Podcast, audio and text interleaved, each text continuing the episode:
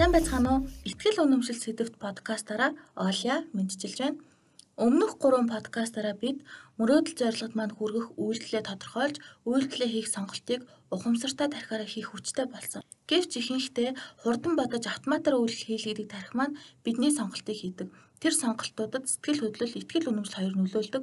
Тэгээд бүр чаашлбал сэтгэл юунд хөдлөхийг итгэл үнэмшил шийддэг тухай мэдсэн. Энэ итгэл үнэмшил хаанаас бий болсон бэ гэвэл бидний сэтгэл хөдлөлөөс бий болсон. Чухамдаа яг туйлын үнэм биш байх магадaltaй гэсэн үг. Тухайн үед ямар өнцгөр харж яаж мэдэрснээс хамаарат бидний итгэл үнэмшил бий болсон байдаг. Өөрөөр хэлбэл бидний тархинд сэтгэл хөдлөлийн лимбик систем гэж байдаг. Түүний дотор байдаг хиппокампус гэдэг жижиг тархи сэтгэл хөдлөлийг мэдрээд хүнийг амрах үед неокортекс тархи руу шилжүүлдэг. Неокортекс тархи нь сэтгэл хөдлөлийг хүлээж авахдаа итгэл үнэмшил нөгөө тодорхойлт хөдлөшгүй ерөнхий ойлголт болгоод хадгалж авсан гэсэн үг. Неокортекс тархи нь хиппокампус тархинаас ижил төрлийн мэдээллүүд аваад л байвал итгэл үнэмшил нь улам батчаад л байна гэсэн үг. Өөрөөр хэлбэл хүчтэй итгэл үнэмшил үүсгэхийн тулд нотлохоо бүр олон нотлохоо хэрэг болно. Худал үгийг 1000 тавтахаар үнэн болдог гэж ярьдаг штэ.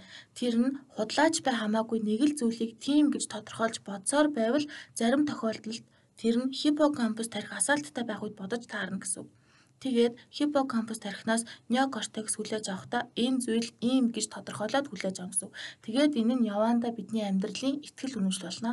Бидний ихтгэл үнэмшил амьдрал дээр бидний сонголтод яаж нөлөөлдөг тухай жишээ дурдъя. Би санхүүгийн хүндрэлтэй байдалд орсон гэж үзье. Тэгээд энэ хүндрэлээ банкны зээлээр эсвэл өөрт тавиад шийдсэн гэж үзье. Энэ тохиолдолд өөрт байгаа хүндрэл зовлонгоо арилгасан учраас миний сэтгэл хөдлөж би тайван аз жаргалтай болно.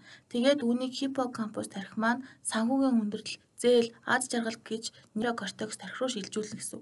Үүнээс хойш санхүүгийн хүндрэлтэй байдал эсвэл ямарваа нэгэн зүйл худалдаж авах гээд мөнгөгүй байгаагаа мэдрэх тиймэрхүү нөхцөл байдалд тэд ухамсар тарих маань надад зээл ав, зээл ав гэж хэлнэ гэсэн.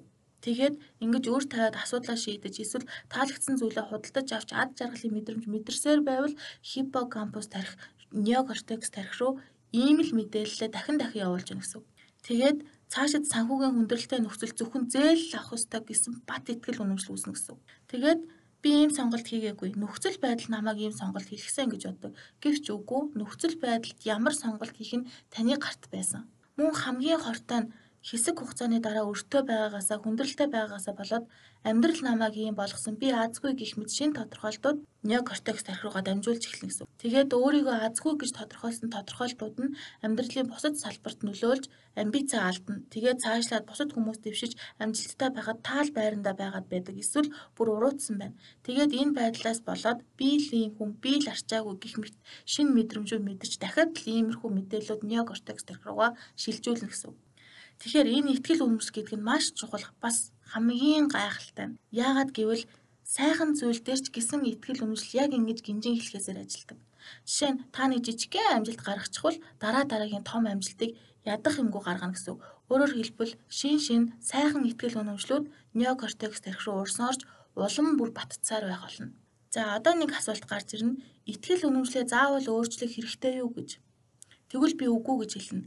Харин амьдралын чинь аль нэг салбарт ямар нэгэн зүйл болохгүй байгаа бол тэрний ард буруу ихтгэл үнэмшил нуугдж байна л гэсэн. Тэгэхээр таны өнөөдрийн подкастыг сонсод дуусаад хийх нэг их алхам бол надад өөрчлөхийг хүсэж байгаа амьдралын аль нэг салбар байна уу гэж өөрөөсөө асуу. Хэрэг байвал тэр амьдралын салбар маань аль салбар байна бич. Тэгээд ямар ямар нөхцөл байдлууд надад дахин дахин гарч ирж байна бич. Нөхцөл байдлын тухай ярихад ямар нөхцөл байдал амьдралд нь олон тохиолдож байна. Тэрний үүсгэгч нь та өөрөө гэсэн үг гэдгийг хатуу санах хэрэгтэй. Тохиолдлоор нэг сайхан эсвэл муухай зүйл гарч иж болно. Харин олон дахин тохиолдоод байвал тийм нөхцөл байдал үүсэх нөхцөлийг та бүрдүүлээд байгаа гэсэн. За тийм нөхцөл байдлуудад ямар ямар хариу үйлдэл үзүүлж байна вэ гэдгээ өөрөөсөө асууж бич. Дараагийнт нь алхам бол энэ гаргаж байгаа үйлдэлүүд чинь зөв үү? Би энэ үйлдэлээ удаан бодож гаргасан уу? Бодолгүйгээр автоматар гаргасан уу? Тэгээд энэ үед ямар үйлдэл гарах ёстой байсан бэ гэж асуугаад хариултыг нь бич. Тэгээд энд ямар ихтгэл үнэмшил нөлөөлж байна вэ? Асуу хариултыг нь бич. Энэ ихтгэл үнэмшил ямар байвал би хүсэж байгаа зөв үйлдэлээ хийж чадах вэ? Хариултыг нь бичээрэй.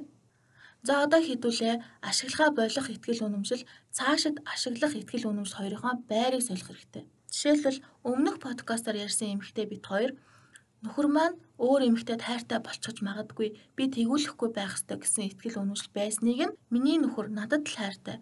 Миний болон охиныхоо төлөө амьдралын сайн сайхны төлөө заримдаа оройтож ажиллахаас ч татгалздаггүй. Бид бол тэрний бүх зүйл нь гэж сольсон. Үүний тулд хуучин итгэл үнэмшлээ ширээ гэж ойлгох хэрэгтэй. Ширээ нь хөлнүүдтэй байдаг. Энэ нь нотлохоо гэсэн үг. Тэгээд хуучин итгэл үнэмшил чинь үнэн юм шиг санагдаж байгаа нотлохоонуудыг авч хаях хэрэгтэй. Жишээ нь тэр оройтдаг, уцаа авдаггүй. Би тийм ч хөөрхөн биш гэх мэт иймэрхүү нотлохоонуудаа бүгдийг нь салгаад нотлохоогүйгээр дангаар нь уншаад үз. Тэгээд энэ итгэл үнэмшлийг худал гэж бод. Одоо шинэ итгэл үнэмшлээ унш.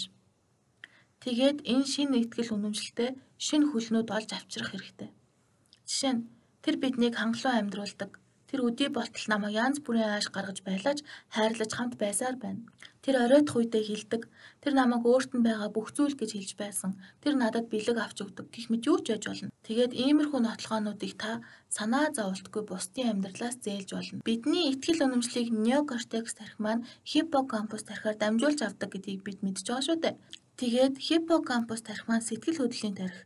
Энгийн үед унтарсан байдаг. Сэрээхийн тулд мэдрэгчийг нь ажилуулах ёстой гэдгийг та бас мэдж байгаа. Мэдрэгч нь төсөөлөх үед ажиллана. Тэгээд та юу хийх ёстойгоо бараг гадралчж байгаа бах те. Төсөөл, мэдэр, дахин дахин төсөөл, дахин дахин мэдэр, бүр аз жаргалаар бялах. Энд ярьсан эмэгтэй одоо хоёр дахь хүүхдээ хүлээж байгаа. Гэр бүлийнх нь уур амьсгал бүх зүйл нь сайхан болсон. Тэгээд энэ ихтгэл үнэмшлийн тухай хин л наашаа гарнуу тэр хүнд ярьж явдаг гэсэн. Тэгээд ухамсартай ухамсаргүй тархинууд нь хоорондоо эвтэй болсноос хойш сэтгэлийн маш их амар амгалан мэдэрдэг. Мөн өөртөө гимшиг үйлдэл хийдэг болсондоо өөрийгөө маш их хайрладаг болсон гэсэн. Тэгээд одоо болоогүй бас хүүхдэд төрүүлчихэд бизнес хийнэ гэд яриад яваад лээ. Би чадна гэдгийг нь хэлсэн. За тэгэхээр энэ дөрвөн подкастаар та зорилготой хүрэхэд чинь хэрэгтэй бүх мэдлэгийг мэдэж авлаа. Одоо та ямар ч зовлонгүйгээр хүссэн зүйлдээ хүрнэ. Тэгсэн чинь юу хүсэж байгаагаа мэдэхгүй байвал яах вэ?